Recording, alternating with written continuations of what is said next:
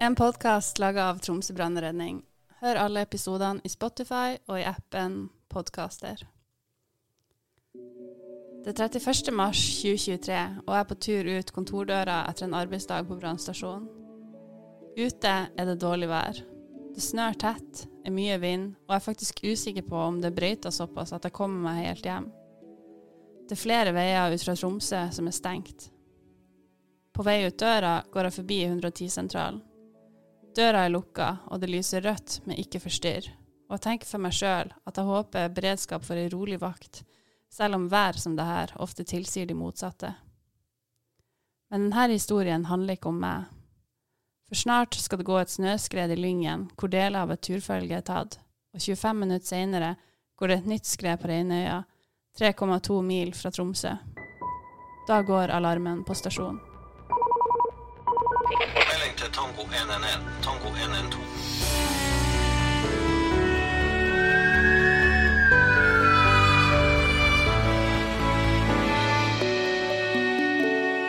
Jeg heter Linn Ramona Pettersen og er kommunikasjonsrådgiver i Tromsø brann og redning. Jeg er ikke gravejournalist, men alltid interessert meg for historiefortelling. Dette er podkasten 'Når asken har lagt seg' av brannvesenet. Det er fredag før påskeuka, og beredskap er smertelig klar over at været nå tilsier at mye kan skje. Det er Inge Jacobsen som er vaktsjef denne dagen, og på morgenmøtet går de gjennom dagens plan. Eh, Det var eh, dårlig vær. Det var meldt faregrad fire på skredvarsel. Dvs. Si at eh, skred kan løse seg ut av seg sjøl. Og det hadde vi jo oppe som tema på morgenen når vi hadde satt dagen og hatt morgenmøte og snakka med vaktlaget, så var det en del av temaene. Det er jo også eh, noe vi snakker om i forhold til når vi skal bevege oss i, i området med skredfare. Dvs. Si at vi skal bruke eh, ta på oss skredvarsler og tingene der hvis vi skal kjøre gjennom områder med, med høy skredfare. Det vi visste, var jo at eh, det var meldt, eh, meldt dårlig vær, det var høy skredfare. Og da eh, er det jo viktig for oss at vi også prøver å forberede oss for det. Og det gjorde vi det den dagen. Vi var ti mann på vakt. Det vil si at vi har en vaktsjef, vi har to biler vi skal kunne bemanne. Og i det her også så har vi jo eh, bl.a. båt, og båtmannskaper skal jo også planlegges for å kunne kjøre ut hvis det skulle skje noe. Det her er jo en fredag. Det er en dag det er mye folk i bevegelse. Det er mye folk som eh, ønsker å farte ut av byen. Eh, jeg mener å huske at oppfordringa var egentlig fra, på media at de oppfordra folk til å holde seg litt i ro den helga. Eh, vi vet jo erfaringsmessig også at det er veldig mange som ønsker å bevege seg i fjellet denne tida, og har eh, kanskje er, er, er på besøk her i Troms, og spesielt i Lyngen, over kortere tid, der de har en kort tidsfrist på seg for å kunne gå i fjellet. Og det eh, vet vi, og det har vi jo sett smertelig mange ganger at eh, det har skjedd. At eh, folk er og går i fjellet når de ikke bør gå i fjellet. Og det her var vel egentlig den, oppfølge, den første meldingen som kom inn til 110-sentralen vår. At det var gått et skred i Lyngen, og at eh, to personer var tatt i den skredet.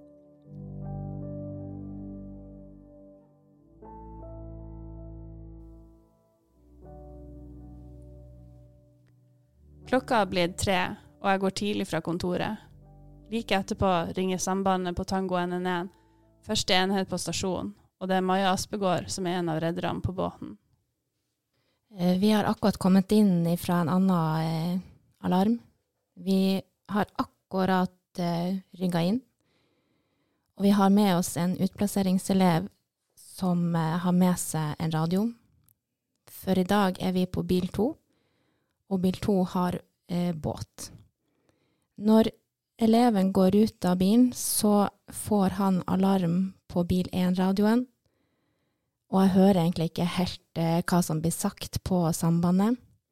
Så jeg styrer litt med mitt og går rolig ut av bilen og får med meg de tingene jeg har hatt eh, med meg på den andre hendelsen. Når jeg kommer bak eh, bilen og får beskjed om at det her er ikke en øvelse, så jeg, eh, får jeg beskjed om å hoppe i tørrdraktene. Når vi kler på oss eh, utstyr for å være i båt, så har vi en rutine der vi skal ha på oss eh, ull, for så å ha på oss eh, tørrdrakt. Eh, vi tar også med oss eh, det vi har behov for, både taubag, eh, redningsvest, svømmeføtter, hansker og hette. Eh, jeg har enda ikke helt fått med meg hva eh, beskjeden er på hva er det vi skal på. Eh, når vi kommer ut i båten og får liksom oss i gang, og vi er gått ut fra kai, så begynner vi å kommunisere om hva meldinga er, og få vite at det er et ras. Og det mest sannsynlig har tatt med seg både hus og eh, låver. Og vi får også vite at det er to personer som muligens er blitt tatt. Om bord i båt har vi alltid to reddere. En båtfører og en navigatør. Dette er Daniel Harder Falk. Vi har jo eh, gitte roller når vi blir satt opp på båten, og jeg var navigatør eh, denne vakta. Eh, båtfører eh, går jo med en gang inn i båten og gjør klar og starter opp motorer, mens eh, vi andre eh, trykker litt på noen knapper og gjør klart utstyret mens vi går fra kai. Været var jo sånn passelig røft ute på sjøen, så båtføreren eh, spenner seg jo fast med seller i, i setene, og vi har jo seter som er dempa, sånn at man kan gå ganske, gå ganske fort i, i, selv om det er bølger. Og vi kommuniserer jo med 110-sentralen eh, på vei ut fra kaia og får den ferskeste oppdateringa med info på, på den eh, hendelsen som vi er på vei til. Som navigatør så stiller jeg jo inn eh, min kartplotter og, og lager ruta til, eh, til oppdraget som er i Grøtnesdalen. Eh, Dette er jo en, eh, sånn sett en kjent plass, eh, sånn at man vet hvor man skal gå og sånt, men eh, det, det gjøres klart på kartverket, sånn at man har en, en linje å gå etter. Og vi bruker jo ja, ett minutt, to minutt mens vi går utover for å på en måte sette kursen og, og går jo med full fart og gjør vel eh, ja, rundt 28 knop hele veien utover. Eh, selv om det ble litt mer bølger, så hadde vi full fart. Og det er jo såpass langt fra Tromsø til Grøtnesdalen at vi, vi vet jo når vi går fra kai, at her er det et eh, scenario som er Ja, vi kommer på en måte for seint. Eh, vi, vi er så langt unna at eh, vi skal ut og gjøre en innsats. Og vårt oppdrag er jo å, å lete etter eh, savna personer.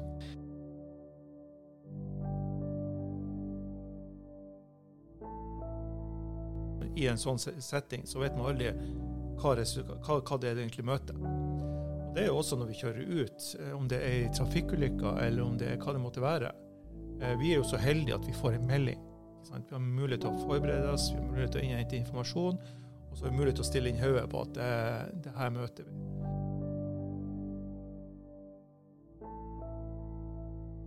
Som navigatør så eh, kommuniserer jo jeg med Hovedredningssentralen, eh, eh, vår fagsentral 110, og også politiet på 112-sentralen. Så det er jo en eh, konstant informasjoninnhenting for å på en måte mentalt forberede oss på hva er det vi eh, skal til. Eh, vi har jo fått beskjed om at det er et skred som har gått eh, ned i fjellsida, og rett inn i en gård og tatt med seg gård og bruk og alt. Eh, rett og slett eh, skred har tatt det med seg ut på sjøen. Og vi får jo tidlig bekrefta at det her eh, er tilfellet, for det var jo litt sånn eh, Kan det stemme? Eh, så vi sitter jo og snakker med hverandre. Vi har samband eh, på oss om bord i båten, for det bråker jo i båten, så vi har eh, øreklokker med mulighet for å kommunisere oss imellom. Eh, og vi sitter og snakker og forbereder oss mentalt på hva er det vi kan møte nå. Og, og oppdraget er jo eh, først og fremst livbergende, men vi, vi ser jo på klokka og vet at eh, det er en stund siden skredet har gått, og vi vet at vi bruker eh, en liten time ut til eh, ulykkesstedet. Så i hodet så begynner vi å forberede oss på at det kanskje ikke er liv å redde. Men eh, vi, vi, presser på og, og, tenker at er det liv å redde, så skal vi i hvert fall være der så fort som overhodet mulig. Været letter litt, men det er fortsatt utfordrende å ta seg frem i alt som er på havet. Skredet som har gått, har tatt med seg både hus, fjøs og 200 dyr. Daniel Lauknes er en av to reddere på båten, og har tatt på seg drakten for å være klar til overflateredning. Eh, jeg og Maja står ute på dekk på båten og ser etter både gjenstander og de savna personene som vi prøver å lete etter. Det første vi ser, er en IBC-container som kommer flytende flere kilometer fra land. Vi kommer litt nærmere skredet, og det ser ut som det dekker flere kilometer. I distansen så ser vi noe som ser ut som et hus, men det er røster på huset og pipa som kommer flytende. Eh, vi kjører inn i skredet, og det er flere båter rundt oss. Og det eneste vi klarer å se, er nesten sauer, vrakrester som planker, taubiter, alt. Alt ligger på sjøen. Hele gården er borte. Og jeg forbereder meg egentlig på at eh, hvis vi finner noe, så må jeg ut i vannet.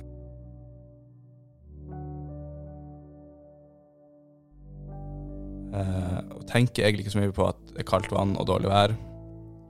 For at man har så mye adrenalin i kroppen. Eh, Hoppa i vannet, og jeg kjente egentlig ikke vann i det hele tatt. Det eneste jeg var fokusert på, var å svømme bort til det vi hadde funnet.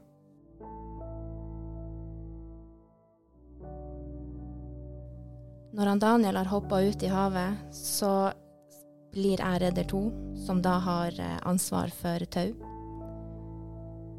Når han Daniel har fått godt tak rundt personen og gjør tegn på at jeg kan dra dem inn, eh, så setter jeg i gang. Eh, vi får dem inn til båten og tar personen opp. Når vi får personen opp i båten, så gjør vi rutinemessige undersøkelser Eh, og konkluderer med at denne personen er omkommet. Vi setter i gang et nytt søk, for vi vet at det er en person til som er savna. Eh, det føles ut som en evighet, eh, men at vi finner person nummer to ganske kjapt.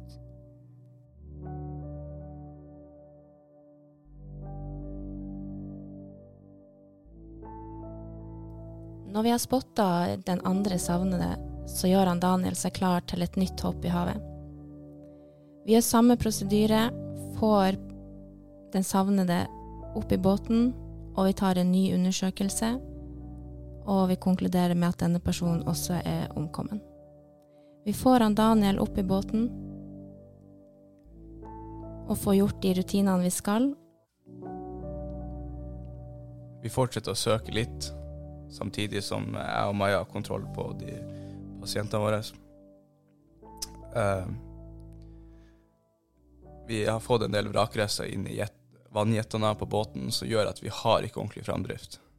Eh, vi prater da med HRS og konkluderer med at det er best at vi går ut av raset og fortsetter tilbake mot Tromsø. da. HRS står for Hovedredningssentralen, og det er de som styrer redningsaksjonen. Når vi får beskjed om å returnere inn til land, så har vi noen rutiner vi skal gjøre for å vise verdighet til de som er omkommet. Vi dekker dem til og kjører rolig inn mot land. Når vi kjører inn mot land, så er det akkurat som at været det letter. Vi føler at ting roer seg ned, og det er bare en helt spesiell opplevelse og følelse på tur inn.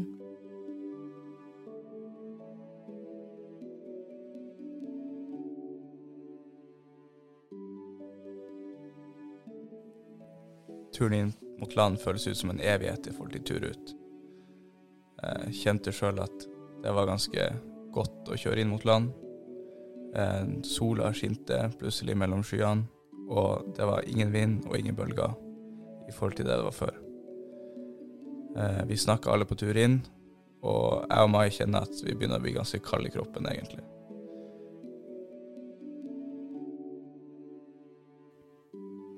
På tur inn så kjenner jeg en lettelse, med tanke på at det er noen sine foreldre og noen sine venner. Jeg kjenner meg takknemlig og ydmyk som får lov å finne noen der at de som er igjen, har ei grav å gå til. Inni denne følelsen så kjenner jeg også på et trøkk der jeg, alle, jeg får ganske stor reaksjon på det vi har vært gjennom. Da vi er så trygge på hverandre, alle oss som er i båten, så er det utrolig fint at de andre ser at jeg blir dårlig og tilbyr seg, sjøl om jeg skal være litt tøff og nekte for det. Eh, så jeg er veldig takknemlig for den dynamikken vi har i gruppa. Vi oppdager jo at eh, vi har tatt inn eh, veldig mye vrakgods i vannjettene. Det er en eh, båt med to vannjeter der du har et vanninntak under båten som suger vann inn, og så har du jetene bak som på en måte blir som propellen. Og, og de her innsugene er da viser seg at de er fulle av tau og eh, greiner og andre ting fra, fra vrakgodsdeler. Parplankebiter og alt sånt. Så vi, vi, har jo ikke mulighet til å ha noe høy fart eh, fra ulykkesplassen også inn til Tromsø, da. Så det blir, eh, kall det en veldig verdig og stille tur eh, tilbake med seilbåttempo, åtte knop. Så det ble litt eh, Ja. Litt sånn litt rar og uh, nesten sånn andaktsstemning. At det var Nå var oppdraget fullført, men vi eh, ja, gikk ned i tempo. Enten man vil eller ikke. De som hentes opp av vannet, er Rolf Harald og Lisbeth Anie Albertsen. Vi har snakka med døtrene til Rolf Harald og Lisbeth. Faren deres, Rolf Harald, ble født og oppvokst på gården Nymo, som ble tatt av skredet. Han var den yngste i en søskenflokk på fem. Gården Nymo var tidligere en del av en større gård, kalt Grøtnes, som ble drifta av besteforeldrene hans. Når faren og onkelen hans skulle overta gården, ble den delt mellom dem, og han Rolf Harald vokste da opp på den delen av Grøtnes som ble til Nymo gård. Han hadde alltid et hjerte og interesse for dyr og natur, noe som gjorde at han gikk landbruksskolen på Ibostad. Etter det reiste han på lokalen i noen år, og gjennomførte sin del av verneplikten i militæret, for så å ta en siste utdanning innen byggfag. Han jobba i tillegg noen år i Tromsø som blikkenslager. Han drev også rekefiske med svigerbrødrene sine, der de hadde en egen sjark. Men de valgte etter hvert alle å slutte med fiske, og heller være fedre som var til stede hjemme med barna sine, og ikke fedre som alltid var på havet, sånn som generasjonen før dem hadde levd. Mora, Lisbeth, vokste opp på gården Noreide, som også holder til på Reinøya. Hun var nest eldst i en søskenflokk på fire. Gården ble drevet av foreldrene hennes i det som kalles et kombinasjonsbruk, likt som foreldrene til Rolf Harald drev Nymo gård. Der faren ofte var på havet, mens mora var hjemme sammen med ungene og hadde ansvaret for den daglige drifta.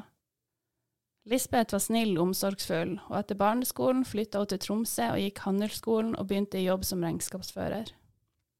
Lisbeth og Rolf Harald hadde et godt øye til hverandre fra tidlig i ungdomstida, da ungdommene fra Grøtnesdalen og ungdommene fra Noreide brukte å gå fra hver sin side og møtes i fest i Søreidvannet. Etter hvert ble de kjærester, og i 1985 gifta de seg i Ishavskatedralen i Tromsø. Da de tok over gårdsdrifta på Nymo gård, så utvida de gården fra å være et tradisjonelt kombinasjonsbruk med selvbergning, til å bli en gård som det var mulig å leve av. Gården utvikla seg til å bli en moderne gård, og var det største geitefjøset på Reinøya.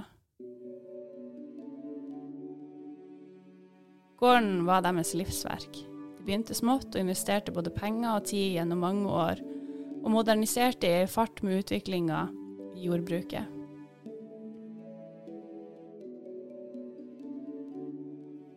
Døtrene forteller om en trygg og god oppvekst, der foreldrene alltid var hjemme når de kom fra skolen.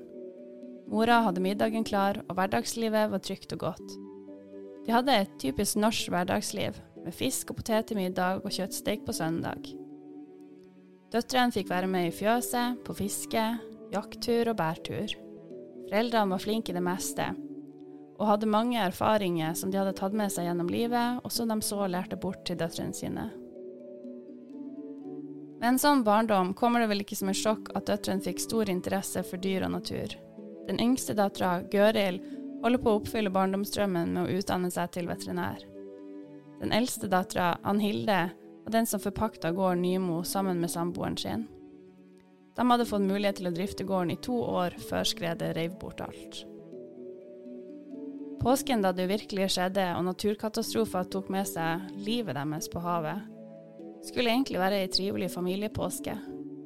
Gøril, som studerer i utlandet, var på tur hjem for å feire påska, mens Ann Hilde og samboeren hadde ordna seg fri i tre dager med avløser. I påskedagene skulle de ta seg tid til å være sammen i Grøtnesdalen, gå på ski og kose seg. Men så fort kan livet endre seg. Døtrene forteller at det så klart er et stort savn etter foreldrene. Min kollega Eline leser nå døtrenes ord om hvordan det her har vært for dem. Man føler seg fullstendig sårbar og står igjen med så mange spørsmål og en følelse av at skjedde det her virkelig? Fordi situasjonen er så absurd at hjernen ikke klarer å ta det inn over seg. De viktigste støttespillerne i livet ditt er brått og brutalt revet bort, uten noen god grunn. Og man prøver å finne mening og logikk i det, men sannheten er jo at det er ikke noe. Støtten i tiden etter og i nåtiden har vært enorm fra familie og venner av foreldrene. Døtrene har vært på stedet i ettertid, noe som skapte mange følelser. De var tilbake i Grøtnesdalen første gangen etter ca. ei uke. Det var en veldig merkelig følelse å se plassen igjen, fordi hjernen sa at du var hjemme, men øynene sa noe annet fordi stedet var så ugjenkjennelig. Alt var hvitt, de enorme snømassene gjorde, gjorde sånn at det ikke så ut som noe hadde stått på eiendommen. Et geitefjøs i full drift, driftsbygninger og et bolighus fullt bebodd med minner og eiendeler fra en hel familie og to fantastiske mennesker viska bort på et øyeblikk. Det var gårdsmaskiner, traktorer og biler som lå sammenkrølla i fjæra, som om de var lagd av aluminiumsfolie. Vrakrester fra bygninger lå strødd utover plassen, man så tydelig de enorme kreftene som skredet og naturen hadde. Det så rett og slett ut som en krigssone, sånn som man har sett på film, bare at nå står du og lever i det sjøl.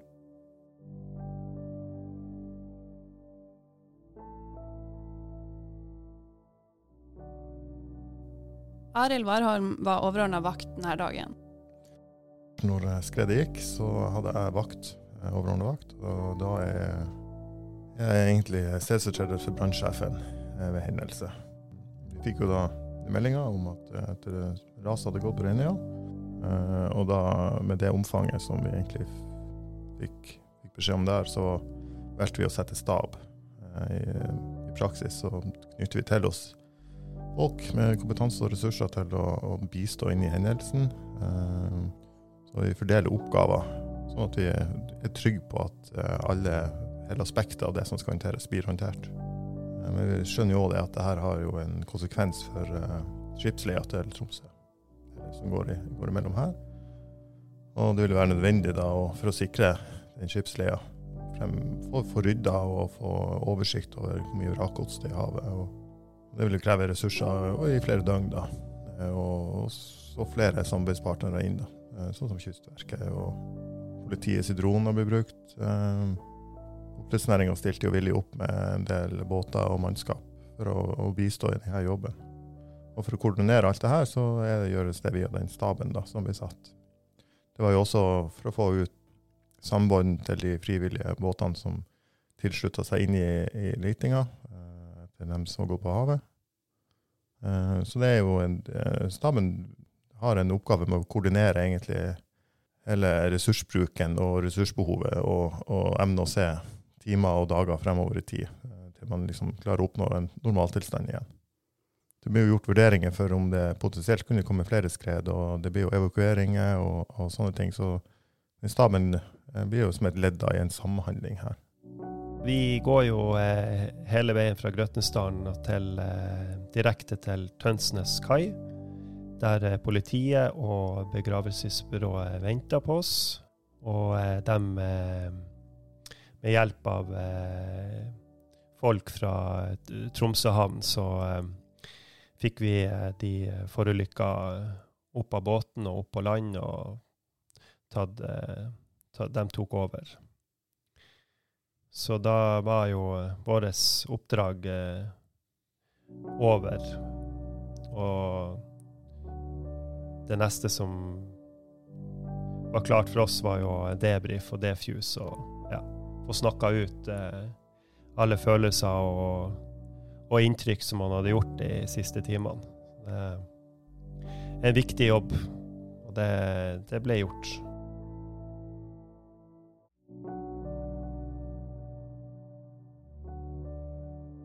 Når mannskapene kom inn da etter den, uh, første innsatsen, der vi uh, Reskuror har vært ute og gjort funn uh, og tatt opp de omkomne, så er det viktig at vi ivaretar det, de, det personellet som har vært i innsats da, og, og har vært eksponert uh, i ulykka.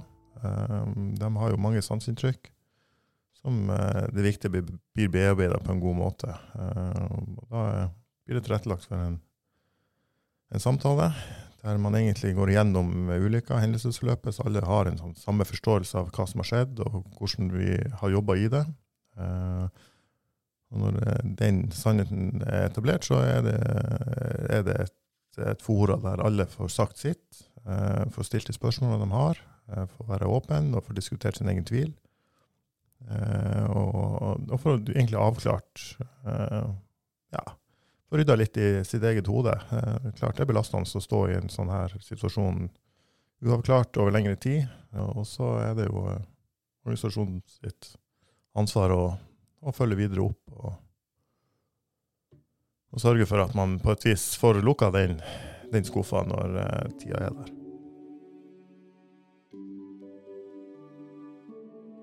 Per Inge Belt har spisskompetanse på skred, og er frivillig i Røde Kors som leder i skredgruppa i Troms hjelpekorps. Han forteller at det er vanlig med skred i nord på denne tida, men at de sjelden er så kraftige at de tar hus på havet. Eh, som leder i skredgruppa så, så, skjønte vi at den dagen kanskje kom til å bli eh, ekstra spesiell. Eh, vi, vi, kjenner jo til skredvær og vet hva som skal til for at eh, skred skal kunne gå. og Den dagen så var det jo meldt faregrad fire. Eh, så vi hadde en, eh, en forhøya beredskap eh, internt hos oss den dagen. Så vet vi jo at det gikk, det gikk jo først et skred på, i Lyngen, der vi fikk en alarm rett før klokka tre. Så vi hadde mannskap på vei dit for å, å bistå den aksjonen der. Og Det er underveis i den aksjonen at vi, at vi, får en ny melding om at det er gått et stort skred på Reinøya. Så vi, vi rykka ut med, med med, med, full hastighet for å måte forsøke å gjøre en jobb på land. Så da, da er det jo i første gang sikkerhet som er mitt eh, hovedansvar. Eh, å sørge for at vi kan gå inn i skredet trygt. Vi setter i gang eh, søk eh, på bakken der, og da er det primært eh, hundesøk. Så De to fra norske har blir satt i, i hver sine teiger og søker over skredmassene. Og så har vi med oss håndholdt rekko, som vi også har god erfaring med å søke etter biler som er begravd. Og Etter hvert så skjønner vi at, at det og Politiet jo, får jo ikke inn flere savnermeldinger. Så, så, da går en over i en fase der det blir prioritet å, å få evakuert alle som eh, befinner seg i, i, området. For Det vi visste på det tidspunktet, det var at det var veldig mange kjente skredløp eh, som ikke hadde gått. Og Der skredet gikk og tok det huset, det var ikke et kjent skredløp når vi hadde det forholdet vi hadde den dagen, så, så var det no go å gå i land og, og, gjennomsøke hus for å sjekke. Så da brukte vi rett og slett lyskaster og, og høyttaler på, på, båten til å få kontakt med folk. Og da evakuerer vi totalt eh, Det er totalt fem personer som ble evakuert eh, eh ut derfra. Skredet på Reinøya kunne ikke vært unngått. Men Det finnes mange andre typer skred du sjøl kan forebygge og havne i. Per Inge i Røde Kors har samla noen tips til deg som vurderer å gå i skredfarlig område. Ja, det Skredet på Reinøya var jo et, eh, et naturlig utløst skred. Og det er jo også eh, noe som eh, folk som ferdes i fjellet må ta hensyn til. Eh, så hvis du, hvis du er en person som, eh, som liker å ferdes eh, i fjellet og ønsker å, å stå på ski, så er eh, første du må, må ta en vurdering på, det er om du skal du kjøre i skredterreng eller skal du ikke kjøre i skredterreng. Og når jeg sier skredterreng, så, så betyr det å oppholde seg i terreng der som er bratt nok til at det kan løsne skred, eh, og i områder der du kan risikere å få et skred over det. Eh, For det er viktig å vite om du er i skredterreng eller ikke. Det er på en måte eh, pri, én. Og hvis du har et ønske om å, om å stå bratt på ski, og du oppsøker skredterreng bevisst, så er, neste steg å, å sørge for at du har kompetanse til å, til å vurdere den eh, skredfaren lokalt der du befinner deg. Og Da er det å gå inn på varsom.no, lete opp på eh, dagens skredvarsel. Eh, og Skal du gjøre eh, turen din så trygg som mulig, så må du evne å forstå hva som er, skredproblemet. Og Det står det om i skredvarselet. Og så må du kunne evne å, å vurdere om det skredproblemet er, er til stede på den turen du skal gå. Og I tillegg til det så må du også ha nødvendig utstyr. Du trenger eh, mottaker, du trenger spade, du trenger søkestang. Det er også viktig å ha eh, førstehjelpsutstyr i sekken din. Eh, og så vet vi at På vinteren så er det kaldt, så det å ha en jervenduk eller noe som du kan eh, pakke det sjøl inn eller andre med, er også veldig kritisk.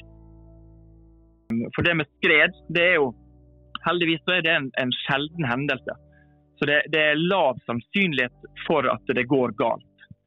Men hvis det først går galt, så er det ofte enorme konsekvenser.